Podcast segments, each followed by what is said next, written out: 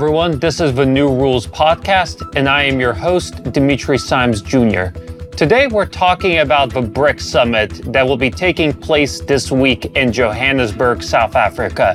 I don't think it's any exaggeration to say that this is the most anticipated summit in the bloc's 14 year history. There's a lot of talk about BRICS expansion, BRICS currency, and a lot of other exciting projects. And it's no secret that we here at the New Rules podcast are big fans of the BRICS project. But we also want to be realistic. There are a lot of obstacles facing the BRICS organization that they will need to overcome if they want to become a serious challenger to the global US empire. And to talk about not only the BRICS summit, but the bloc's future, more broadly speaking, we've invited Pepe Escobar, veteran geopolitical analyst and writer. Pepe, thank you so much for joining us from the Silk Road Empire, from the heart of Eurasia to discuss these important topics. Hi, everyone. And yes, I am at the Silk Road Empire in Samarkand. so I am at the Silk Road Empire at the heart of the heartland from millenarian Samarkand. And uh, let's get out to business. yeah. And I think there's a lot we can discuss when it comes to the BRICS summit. I think let's, you know, before we talk about the prospects of BRICS and its future, most basic question. What do you expect from the summit uh, in Johannesburg? Do you expect it to be a game changer or should we have more modest expectations for what's going to happen this week? I think both, Dimitri great expectations, of course, because uh, in terms of uh, a game changing geopolitical moment, this is it. Much more than previous summits, much more than the Shanghai Cooperation Organization summit, much more than all previous BRICS summits. And the fact that it takes place in Africa, which, as we all know, now is at the center of everything once again, especially because of the, let's concisely put it, the African revolt against French neocolonialism. And of course, this will also be part of the whole discussion inside BRICS. The fact that uh, the organizer committee invited 67 heads of state of uh, powerful representatives from all over Africa and many other places in the global south to be part of discussions involving the collaboration between BRICS and Africa and also BRICS Plus. We're going to have a breakthrough in terms of uh, most possibly the first candidates to join BRICS Plus. In fact, there's a lot of talk off the record and among the Sherpas about Iran. I would say that Iran is positioned as number one to be possibly the the number one BRICS Plus um, member. Uh, there's a lot of talk about Saudi Arabia, United Emirates, uh, Egypt, uh, Indonesia, of course. But uh, one thing that we know for sure, coming from the Sherpas, is that they already decided on a mechanism for the absorption of new members. Of course, this is a very complex uh, endeavor because it involves, at the last count, over 30 nations. 23 that have already expressed their formal desire to be part of BRICS Plus, plus many other, uh, according to the South Africans, expressions of interest. So we're going to have a pretty good idea at the end of the summit of what's going to happen next. Of course, this is a, these are baby steps. And then we enter into the realistic expectation scenario. We should not expect BRICS in two days in South Africa, turning the rules based international order upside down. No, uh, this is going to be a gradual, slow moving, very challenging process. But what's happening in South Africa and immediately after South Africa, let's say is a sort of uh, Rosetta Stone for what's going to happen ahead. And so let's to talk a little bit deep. What are the sort of things that you potentially expect to be on the agenda? Obviously, the thing that everyone is most interested in is the question of expansion and the question of a potential BRICS currency. What do you expect on these two fronts? And are there any other issues that you think need to be on people's radar? Okay, it's very, very important concerning the, the tentative new BRICS currency. There won't be an announcement of a BRICS currency. This is something that uh, uh, many of us independent analysts have already written about in the past few weeks. Uh, talking to Sherpas, they say what we're going to stress and what is going to be stressed to the leaders and what the leaders themselves are going to stress is that there's going to be much more bilateral and multilateral trade in the BRICS own currencies, the so-called R5. Renminbi, we're talking about the, the Chinese yuan, of course, ruble, real from Brazil, rand, and rupee. And of course, this is just the beginning because if we're going to have BRICS Plus, this is going to have to include the currencies of the new members as well. So this is the second stage of this process of increasing trade in their own bilateral, multilateral trade in their own currencies. The path towards the new BRICS currency is extremely complex. And this is something that uh, I have discussed this in Russia. I have discussed this with independent analysts in Italy, for instance.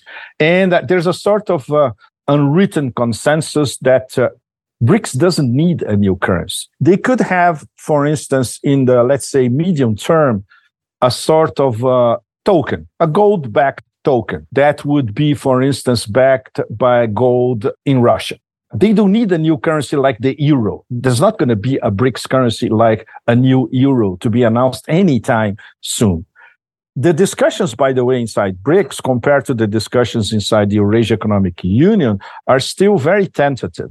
At the Eurasia Economic Union, led by Sergei Glaziev, these discussions have been going on for over two years, if not more. You know, so one one thing that we could also expect and it will be discussed by the leaders because the Sherpas put that, on the menu, is a progressive integration of all these multilateral organizations. So this would be a progressive integration of BRICS Plus, uh, the Eurasia Economic Union, of course, and the Shanghai Cooperation Organization. And now we touch something very, very, very interesting because now some uh, diplomats are now voicing it on the record like you know uh, former South African diplomats, for instance, some Brazilians as well, and some uh, Central Asians. These off the record, in fact. Why should we not merge the BRICS Plus with the Shanghai Cooperation Organization in the long run? Because maybe you're going to have most of the of the members of the Shanghai Cooperation Organization are members of BRICS or BRICS Plus. So it makes no sense that they are working in parallel. They should work together. Lukashenko said that months, a month and a half ago. Very, very important. So we could expect, I would say, not an announced movement in this direction, but certainly steps to get them closer and working closer, especially on the de-dollarization front. BRICS Plus, Shanghai Cooperation Organization, and Eurasia Economic Union. And so I think let's take a step back for a moment because you know, I think most of our audience members are familiar with BRICS, but not all of them are necessarily all that familiar with the Shanghai Cooperation Organization. Could you briefly break down what is the Shanghai Cooperation Organization and why there is growing talk, as you mentioned, of potentially integrating it with BRICS, somehow increasing the coordination between the SCO and BRICS? You know why, Dimitri? Because uh, this year, in fact, last month in July, Iran was finally admitted as a full member of the Shanghai Cooperation Organization. This was a wow, this was a years long process because don't forget that Iran was under sanctions before. And of course, uh, uh the other members of the SCO were very, very worried about, of course, secondary sanctions by the Americans. And now that the way has more or less been cleared because Iran is not under UN sanctions anymore. The process picked up speed for the past year or so.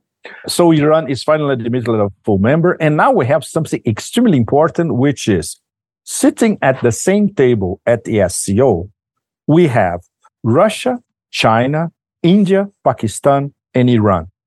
That is five of the most important across Eurasia, pan Eurasia players, plus the Central Asian stance. And we have Turkey as an observer, and Turkey is very much interested into it. But that depends on Erdogan hedging, as we all know. The SCO, uh, to answer your question, they were founded in 2001, curiously, a few months before 9 11. At the beginning, they were called the Shanghai Five because it was Russia, China, and three Central Asian stans. And they basically were, the focus was against uh, terrorism, separatism, and uh, all sorts of uh, not spelled out at the time color revolutions, internal destabilization. And they started to evolve as a security mechanism. There were a lot of people in the West, in the US and the EU, that they didn't understand what the SCO was all about. First of all, when you went to SCO, SCO meetings across Asia, you wouldn't find a single European. This is something that I saw for myself.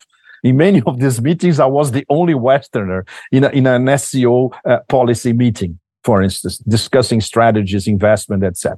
So over the years, in the 2000 and 2010s, they started to develop also as a, an economic cooperation mechanism, not only about security, about uh, anti-terrorism operations. So now they are also a trade, sustainable development, and economic cooperation mechanism, apart from also being a security organization. And that's why they are so important. And with Iran coming inside the SCO, it's even more important because we, let's say this Iran was the missing link in this big Eurasia picture. Of course, we have important Central Asian stans like Kazakhstan. We have Russia, China, India, and Pakistan, which in itself is extremely important despite their internal differences. And I mean between China and India and between India and Pakistan but it's big because they sit on the same table and they actually discuss that. That's extremely important. And they discuss that even at the level of uh, heads of state. And now with Iran, it's even more important because Iran has already a strategic partnership with China and also a strategic partnership with Russia. And also they have a very, very strong economic partnership with India. So I would like to remind all of you of something that uh, Iranian foreign minister said only a few days ago. And this was something I would say groundbreaking because he was basically uh, spelling it out why BRICS Plus and the SCO working together makes sense. And this comes from a, a foreign minister. This is at, at, the highest level. He said that uh, in terms of uh, the BRICS Plus economic agenda, Iran is already part of it because we are part of the international north south transportation corridor, where the main, the three main actors are Russia, Iran, and India, which happen to be three members of the SCO. And if Iran gets into BRICS, three BRICS members. So you see how naturally these, uh, these uh, interpolations and interactions are converging and that's why we have a head of state like Lukashenko saying, ah, BRICS Plus and SCO, they have to work together. Makes total sense. And this is something that will accelerate in this summit. And I would venture to say to all of you guys, and correct me if I'm wrong in one year, next year, the BRICS summit is going to be in Russia. And maybe next year, this whole thing is going to explode in full force in the international scenario. Yeah, I just want to touch a little bit on Iran for our audience members. The International North South Transport Corridor is basically this network of railways, ports, automobile highways that connects Russia to India through Iran. Yeah, the main benefit of the International North Transport South of the corridor is that it not only uh, provides what Russian India would an alternative to the Suez Canal corridor, which is dominated by the West. But it's also faster. So this is why Iran is so strategically important because it has the potential to be this new center of a new logistical node. Absolutely, you're right, Dimitri. Absolutely, you concisely put it. Uh, the full importance of the alternative to the Suez Canal. It's cheaper around 40% cheaper and faster in terms of at least a week or so, sometimes in many cases, 10 days or even more. For, for instance, take uh, uh, Russians, Russian companies that want to export to India. What do they do? They charge a container or a few containers in Moscow or in St. Petersburg. They travel by road to Astrakhan, Russian port in the Caspian Sea. Then they take a cargo boat, they cross the Caspian Sea, and they arrive at a, a Iranian port in the Caspian Sea in the southern Caspian Sea, right? Then on the road again to one of the Iranian ports in the Gulf of Oman, which then they're going to cargo again. And then they'll go all the way uh, Gulf of Oman, Arabian Sea to arrive in Mumbai in western and southwest India and vice versa. Indian companies that want to export not only to Iran, but also to Russia, but also to the Caucasus, because then there is a, they are branching out mechanisms included in the north-south transportation corridor that involve Azerbaijan. Very, very important. So then your products can, can reach the Caucasus and also Central Asia with a with a different route from the point of view of the Iranians, the uh, the, uh, the Indians. I'm sorry, they export from India to southern Iran. From southern Iran, this could go through Afghanistan. Very, very important. That's the Indian Silk Road, let's put it this way, which the Indians neglected for, for quite a while. And now they, they finally discovered that this is the real deal that they really need to increase their trade with Afghanistan and Central Asia. And also, and this means that all these players in South Asia, Central Asia, and West Asia, in the case of Iran, and in Russia, they benefit from this alternative to the Suez Canal. And of course, they are um, more or less protected from uh, the proverbial interference. you all know what yeah. I mean by that, right? yeah. But I want to again return to the point of the SCO because you said that there's a lot of complementarities.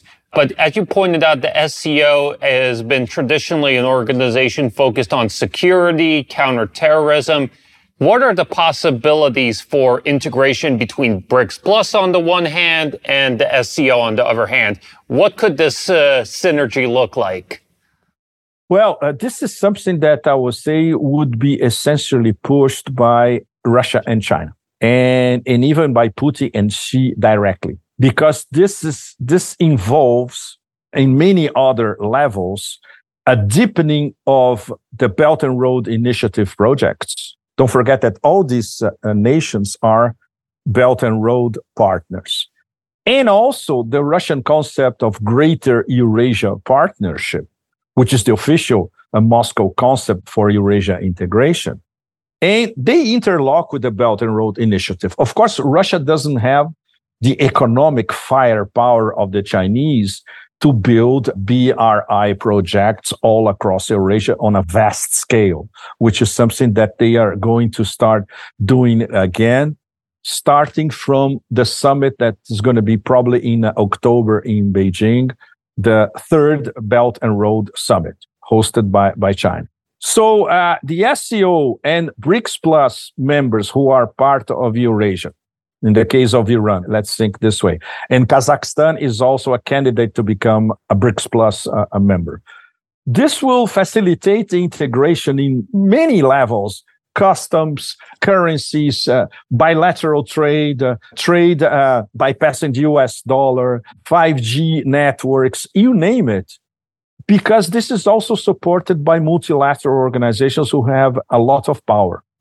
So we are not saying that BRICS and SCO starting from tomorrow are going to work hand in hand. No, we're basically saying that the potential for them to work in partnership in several projects, in specific projects in specific countries is huge. And that's why the Chinese are thinking about it. The Russians are thinking about it. Lukashenko, Belarus is thinking about it. The Iranians are thinking about it. And even South Africans know that there, there can be a sort of extrapolation towards Africa as well. And this, is, of course, would be a BRICS area. If we have BRICS plus new BRICS plus members, including, for instance, two very strong, strong candidates, Algeria and Egypt. So now we have a triangle in Africa, Northwest Africa, Northeast Africa, and South Africa, and uh, supported by BRICS and with BRICS projects, you know, uh, BRICS plus projects in all of them. And that will, you know, the rhythm of the whole thing is going to pick up very, very, very, very fast. There's one thing, Dimitri, which is also very important that maybe we should have a discussion later on in, in the program. The role of the BRICS Bank which is going to be essential, the New Development Bank. And of course, the president of the New Development Bank, a former Brazilian president, Dilma Rousseff, she will be at, uh, at the BRICS summit. So, um, the role of the NDB from now on is going to be absolutely essential, especially in terms of uh, financing projects for, let's say, the prospective new African members, and also in terms of Iran, for instance, and even extrapolating projects, for instance, in Syria that the NDB could finance through Iran. So, so, so the possibilities are endless. You know, in, in terms of uh, mechanisms of finance that escape the IMF and the World Bank, but we still remain, uh, the main problem, of course, still remains American secondary sanctions. And that's why the NDB so far has been extremely cautious. And uh, when you discuss with Sherpas from different nations, they all say more or less the same thing. The NDB has to be much more proactive and they really have to go for the kill. Uh, we don't know if it's going to happen right now, but uh, in medium term, there's no question about that.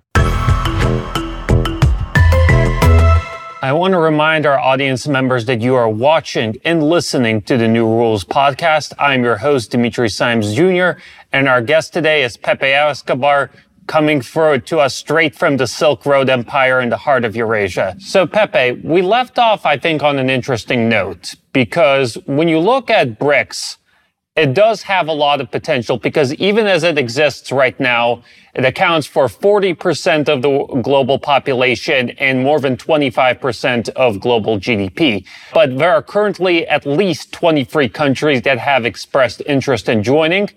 And if that were to happen, then all of the sudden GDP, the share of GDP would go up, the share of population would grow up. And when you look at those countries that are interested in joining, a lot of them dominate the sort of critical natural resources that make the uh, world go round.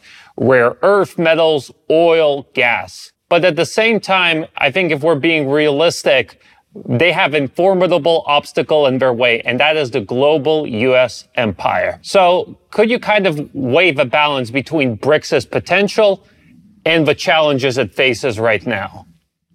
Oh, yes, absolutely. The challenges are immense, immense. Starting with the current demonization campaign and divide and rule campaign against BRICS, which is something that uh, if you are following American mainstream media or if you follow some of European mainstream media, now it's all over the place. The tactic, the dividing rule tactic is to try to create even more problems that they do exist between intra BRICS problems. For instance, between, especially between China and India. And, and trying to uh, destabilize even more what we could consider BRICS' two weakest nodes, which, uh, okay, let's go straight, cut to the chase, go straight to the point. They are South Africa and Brazil for different reasons. Brazil, because Brazil is under extreme pressure by the current American administration, even before Lula's uh, third term in power. And South Africa, because we saw for the past few months, everything, they, they threw everything and several kitchen sinks against uh, Pretoria, Johannesburg, in terms of uh, trying to dissuade countries not to participate. That kangaroo court decision, which basically blocked the attendance of President Putin, and then the South Africans and the Russians basically struck a deal where uh, Russia is going to be represented physically by Sergei Lavrov, Minister of Foreign Relations, and Putin will be by video conference ratifying and intervening in all major decisions, which is uh, a saving face uh, solution for the South Africans, but it was extremely complex and uh, and of course uh, precious time that they were devoting for the organization of the summit. They had to, you know, try to deal with this problem created by the Americans. Of course, the demonization of BRICS is uh, proves to all of us that uh, the empire at the moment doesn't have a lot of weapons at its disposal. First of all, because the, they look around the global south or the global majority, as Russian foreign policy now is referring to explicitly, or an even better term that was coined by Lukashenko himself global globe global globe, everybody wants is lining up to become part of BRICS. Not only these 23 who, made uh, formal inquiries, but the other uh, dozens who made informal approaches and are very much interested. So it's a sort of consensus across the global south that BRICS can become practically, and I, I, I say that metaphorically, but not that much. In fact, the new UN, in fact the new UN for the global south, or a new UN that is centered not only in geopolitical union, but also geoeconomic union, which would be the first mandate for uh, the BRICS Plus from now on, geoeconomic integration with a more acute role by the NDB, the BRICS Bank. So, what does the empire have to offer the global south at the moment? We basically know it's nothing. We basically know at the same time that what the global south, the global majority, is waiting to make even more decisive steps towards multipolarity is, let's say, not a final result, but a decisive result in the proxy war in Ukraine between the empire and Russia. And this is something that we could have in the next few months. And that's why the BRICS summit in Russia next year is going to be, of course, even more important than this one, because then we're going to have a situation in, in Ukraine that will be more or less defined, sealing basically what the Russians uh, set out to accomplish in February 2022. And obviously, everybody in the global south is paying attention to it. The new, the president of Mali, which is uh, revealing himself to be one of the great African leaders of the 21st century. You know, Pan-Africanists like Kemi Seba, from people from Nigeria who are against the current government, the current leaders in Niger, the new leadership in Burkina Faso, the Algerian government itself, which is very close to Russia and very close to BRICS, and is going to be probably one of the first members of BRICS Plus. We see this uh, coalition, but uh, not coalition of the willing. You see this coalition of, of the people who really want to change the world for the better and in Africa. And the center now happens to be in Africa. So it's a very it's a great concourse of circumstances that this summit this year is taking place in Africa, just as West Africa is finally saying no to French uh, neocolonialism. This is also very important. And make no mistake, Russia, China, India, Iran, they are paying extreme attention to what's going on in Africa. And in uh, several layers, uh, diplomatic, militarily, etc. They are, or especially they will offer their full support to these new leaderships uh, springing up across West Africa, especially. So that makes any effort by the Europeans and by the the Americans to diminish the value and the importance of BRIC nowadays absolutely futile.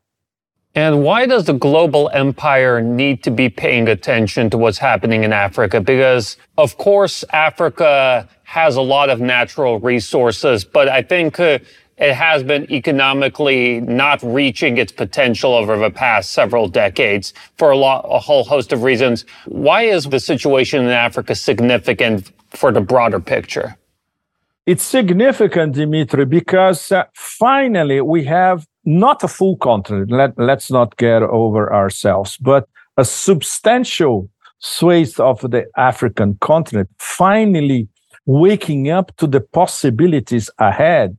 And the fact that if they don't finally refuse all forms of neocolonialism by the collective West, there's not going to be another chance. Th- this is the chance of a century for Africa to finally start developing in a way that is more equitable for African populations, for, for different parts of Africa, and with foreign help, but foreign help in, that it's solidified by multi, strong multilateral organizations like BRICS and our future BRICS Plus. So that changes the picture completely. I think this, this is behind the whole rationale of the South Africans when they were organizing the proceedings this year in Johannesburg is let's put Africa on the on center stage. Let's uh, develop a program where the needs of, of Africa are discussed in detail among the five BRICS and also among the prospective BRICS plus nations as well. It's not of course, it's not a coincidence and it's not by accident that uh, the top two BRICS, Russia and China, approved the South African program, you know, ipsis litteris, the way the South Africans designed it. So this was great. So this shows how much importance they attach to the fact that Africa has to be integrated. BRICS is not, it should not be something that essentially, uh, don't forget that in the beginning was BRIC, was Brazil, Russia, India, and China. Only opportunities of investment in these four emerging powers. No, no, no. The big collective emerging power now, and we're seeing right in front of us with these new geopolitical developments, is Africa. And this is something that was already very clear in the Russia African summit only, only a few weeks ago. So it's fantastic because if you try to look between now and next year, it's like now it's the time to put Africa on center stage. Let's start expanding BRICS. And next year in Russia, under Russian, with Russia as hosts, and very, very powerful hosts. And with this agenda of greater Eurasia partnership, which also goes beyond Eurasia, also goes to Africa and Latin America as well. Russia will be dictating the program next year, which is basically is going to be like if you are in a Maserati and you put seventh gear you know so uh, that that's great because uh, we have the possibility to, to imagine how things are going to happen from next week to one year from now and I want to return to your point about the fact that the US global empire is waging a hybrid war against uh, BRICS, not only in the forms of threats of sanctions, economic uh, limitations, but also in the informational sphere. What can the BRICS countries do to push back against this hybrid warfare? Dimitri, this is this is a zillion dollar question, actually. I would say that the first enemy of BRICS at the moment is their own internal divisions. And this is something that I had the opportunity to discuss in Moscow as well with some very, very knowledgeable people. And they were basically saying if India and China don't solve their major problems inside BRICS and inside SCO, the whole process from now on is going to be ex- even more complicated than it already is. And of course, the fact that uh, these two weakest nodes that we referred to a while ago, Brazil and uh, South Africa, they are extremely vulnerable to imperial pressure. So the empire cannot pressure Russia and China. This is something that uh, history is proving to us on a daily basis, even before February 2022. So we would have a situation where Russia and China will be sort of uh, the vanguard of BRICS Plus. But both don't want this role of vanguard or drivers. They want, of course, to, okay, let's uh, get maximal impulsion, but uh, we're not going to be driving anything. This has to be a collective effort. And that's the great thing about BRICS decision process. It's very equanimous. It's by consensus. The five decide by consensus. And if we have BRICS plus seven, eight, or, or 10, it's going to be the seven, eight, 10 will decide by consensus. The great thing is that uh, there is a converging of the minds of the leaders of uh, these countries and the leaders of the prospective new members they are all thinking alike. So when you see, for instance, one of the big preparation meetings for the summit was the summit that they had with the heads of security and heads of intelligence four weeks ago, if I'm not mistaken. And we had uh, Wang Yi, for instance, we had um, Patrushev from Russia, we have Celso Amorim from Brazil, and we also had the Friends of BRICS group, which is very, very interesting. Every time there is an important BRICS summit, there is an important parallel Friends of BRICS summit as well. And then we have uh, countries from, from Africa is very, very important. And they participate in the discussions and their input is, is listened to, is taken into consideration as well. So this Friends of BRICS group is as important as BRICS itself.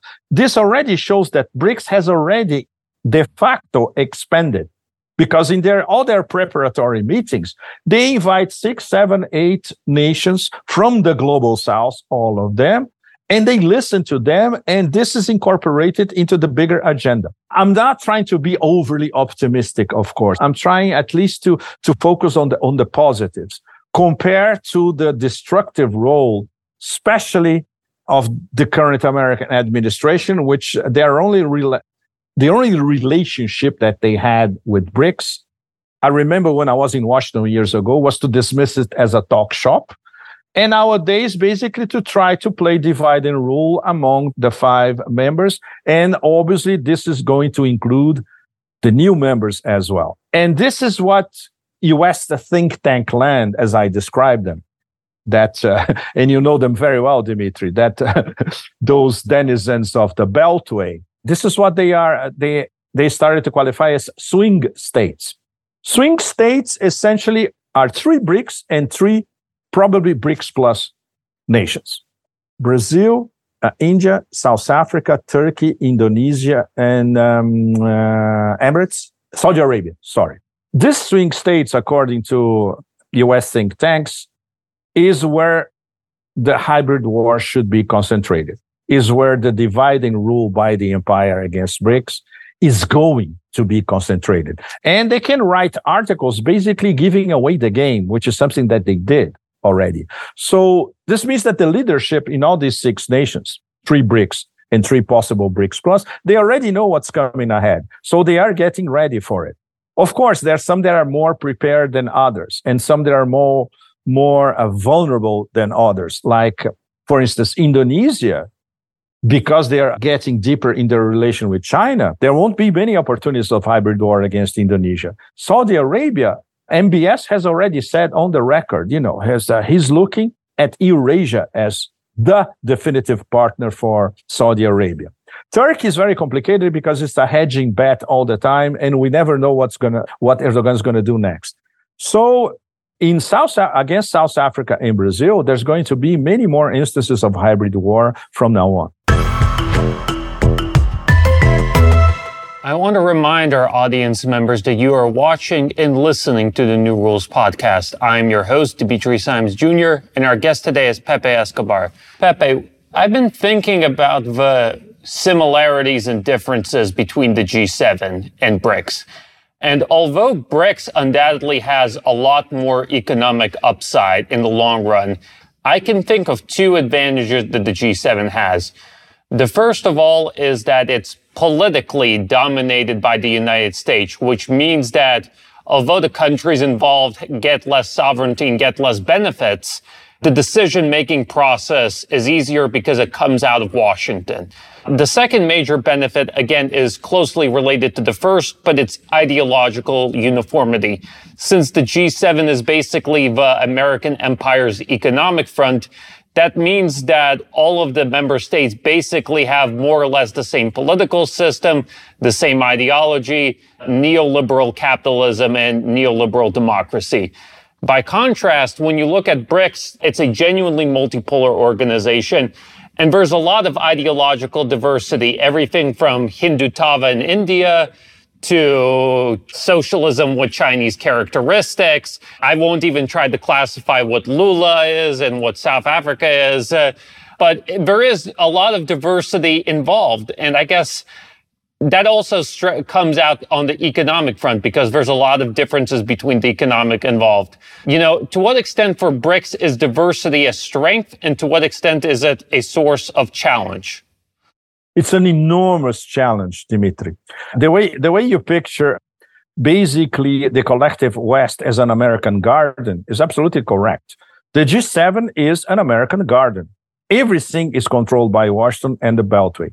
There is no sovereignty in the European Union.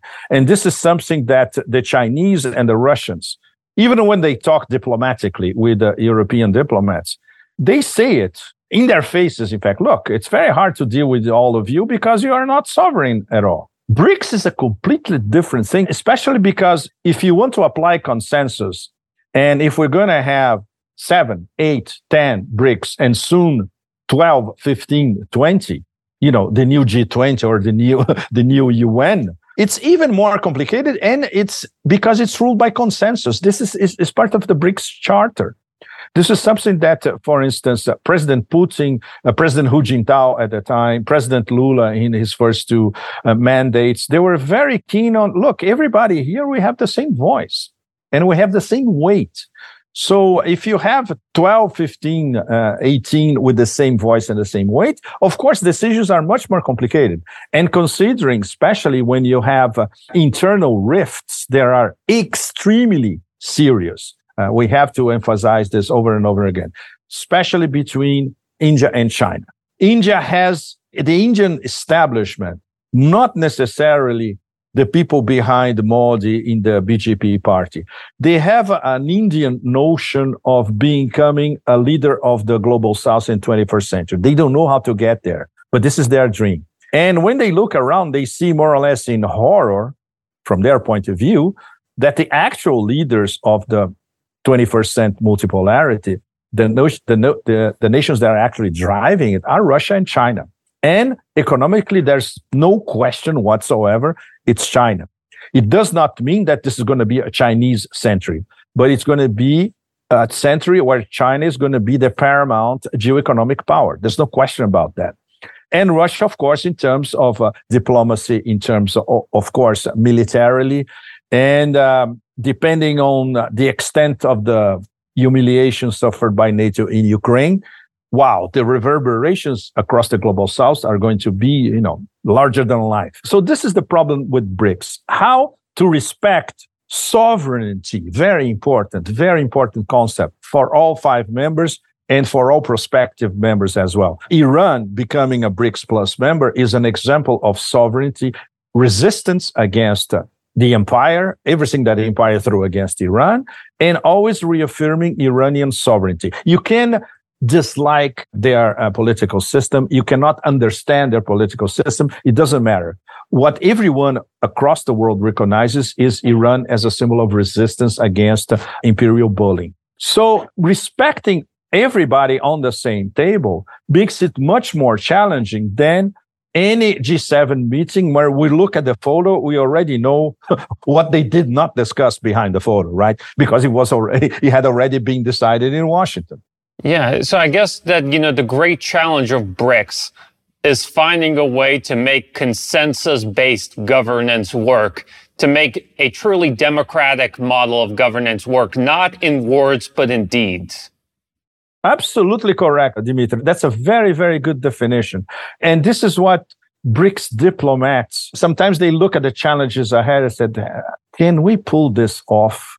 It's so complicated, so complex. And, and these are still the baby steps, you know. But uh, when you see behind that, the, this apprehension, the fact that uh, this this is the challenge of the times in fact because it's not only brics. It's uh, if they have mutual support all these uh, multilateral organizations shanghai cooperation organization eurasia economic union brics plus greater eurasia partnership the belt and road initiative by the chinese all of these and, and the africans and, and of course the different forms of union practiced by african nations. If you have them all interacting closer and closer then they will be able to address the challenges, but in an atmosphere of cooperation and mutual respect and respect of each other's sovereignty, which is the absolute opposite of the rules based international order. Yeah. And I guess, you know, that's why even if the 21st century will end up being the BRICS plus century, it's not going to be a quick and easy road because there are so many things that need to be ironed out and it needs to be done in a consensus based way. So I guess I think it's important for audience members to come away with the understanding that this is a project with a lot of potential, no doubt about it, but it's not going to be a sprint. It's going to be a marathon. Absolutely correct, Dimitri. And uh, the great thing is that the main players have internalized that. They know it. For instance, uh, President Dilma of I had the opportunity to talk to her before she got her new job as president of the new development bank. So I hope before the end of the year I can have the opportunity to meet her again to ask her what has she learned from these months as the head of one of the most important multilateral organizations on the planet right now and with a key role ahead and how does she the instances of consensus that she has found in her discussions and how she can profit as the head of the NDB to spread out this consensus further on to BRICS Plus. But you can see the optimism in uh, when, when you see heads of state and diplomats talking about the merger the possible merger of these multilateral organizations. The fact that uh, almost all of them are looking at Africa and seeing at this uh, new African revolution, let's put it this way, with open eyes, with amazement, and of course, extremely pleased because it's an instance of uh, finally, maybe finally, this is the beginning of the second stage of getting rid of neocolonialism by Africa. And this will be the real one. The first one, of course, uh, along the way, it was blocked by the collective West. Uh, remember when we had the non-aligned movement, the Americans went full tilt against the non-aligned movement. They even killed some of the leaders of the non-aligned movement. And because we didn't have what we have today, this framework of multilateral organizations, the non-aligned movement basically died a slow death. And now we have a new new aligned movement of over 120 nations, all of them global south, many of them in Africa, practically almost half, half of them are in Africa, some in Southeast Asia, some in, in Latin America. And, and we have a convergence of uh, objectives, in fact, and they are very, very practical. They go from de-dollarization to more trade in our own currencies, in keeping the fruits of the exploitation of our natural resources to our own people and not to foreign multinationals, etc. Everybody's thinking along the same lines. Finally, and it, it's fascinating because nobody came out of the sky and said, "Oh, this is the new. Uh, these are the new. these are the new rules." No, no, no, no. They they they came to the same conclusion using their different experiences which is something that even the Chinese understood. The Chinese, via Xi Jinping, President Xi Jinping, many times said, look, you don't have to copy the Chinese system. What we suggest to all of you emerging nations and emerging powers, take a look of at our successes and take a look at our failures as well, learn from them, and then come up with your own model. And this is something that is being discussed inside all these multilateral organizations. Even BRICS, BRICS, they are still struggling to find uh, struggling to find how to expand towards BRICS Plus. Is BRICS trying to find their new model? Because the, the first stage is already accomplished. And now they, they have reached the stage in a matter of uh, one year at best, where BRICS was dismissed a year ago and now is being feared all over the collective West in a matter of a few months. This is already an enormous accomplishment. This means that the global south has enormous power. And if the collective West, so called powerful, fears BRICS, you know, the rest of the global south looks at it and says, look, this is it. This is the high speed train. I want to jump in. yeah. And I mean, I, I guess that does beg the question because when you look at NATO, European Union, the, all these sort of US empire backed projects, you see that they have entire intellectual networks around them in the forms of journals, think tanks, so on and so forth, where basically they have people committed to thinking of new policy proposal, new ideas to strengthen the organization, to expand the organization, to provide platforms for debate on how to best move the organization forward. Does BRICS need to create its own sort of intellectual network? And if so, how can it be done? Absolutely, Dimitri. They need a network of uh, think tanks, publications, journals, soft power mechanisms, uh, cultural exhibitions, intercultural and pan-cultural exhibitions, movies, theater, music, you know, cultural soft power, interacting among them. And uh, like, you know, if you went to a wonderful film festival where you have movies from all BRICS and BRICS plus nations, for instance. This, this is what they're going to need. They're going to attract audiences to their own film festival, not, of course, following a Netflix style agenda. It's a completely different thing. You know, movies, theater pieces, music, essays that uh, transmit and explain their own local realities to their partners and to the rest of the global globe as well. And in terms of think tanks, this will be extremely important. We still don't have, we have different BRICS channels here and there. We would need at least one important BRICS think tank publishing regularly at the highest level, interacting with everybody interacting, multilingual, very, very important, of course. Of course, using the English language, but also multilingual. And because this is how the empire uh, disseminates its propaganda. So if you don't have, I wouldn't say counter propaganda, if you don't have very solid counter narrative, easily explainable to all these audiences in several languages, you lose the battle even before the battle begins. In fact, the Americans are extremely strong because they have this Beltway network of think tanks, which I call the US think tank land. They have, of course, Hollywood. They have Netflix and its derivatives or Amazon Prime or anything you can, or HBO, anything you can imagine. And with a very precise message, you know, a very precise point of view. So, uh, of course, Bollywood coming from India is not enough. TikTok coming from China is not enough. We need something that has that needs with substance as well. And we need intellectual production from intellectuals all over BRICS and BRICS Plus, especially African intellectuals as well, which have been neglected completely by the collective West. We need to read them. We need to see what they're thinking. We need to compare their thinking with uh, established narratives in the collective West. Okay, this is a long process, of course, but uh, a summit like this ahead of us is a sort of ideal catalyst to get all these people together and looking at the future with a common vision. I want to remind our audience members that you watched and listened to the New Rules podcast. I'm your host, Dimitri Simes Jr., and our guest today was Pepe Escobar. Pepe, where can our audience members go to keep up with your work? well, it's always a very complicated question, Dimitri. Well, I uh, I am very happy to have become again Sputnik columnist. Extreme pleasure.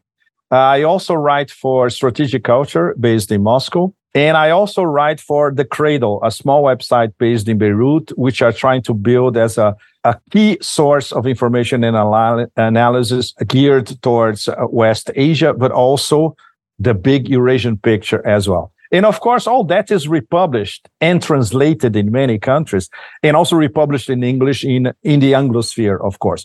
And I plan to start a Substack soon where I would like to concentrate on deeper essays with a historical and cultural bent that are not necessarily linked to, to the news or to the absolutely crazy tsunami of news that uh, we're all involved with, right?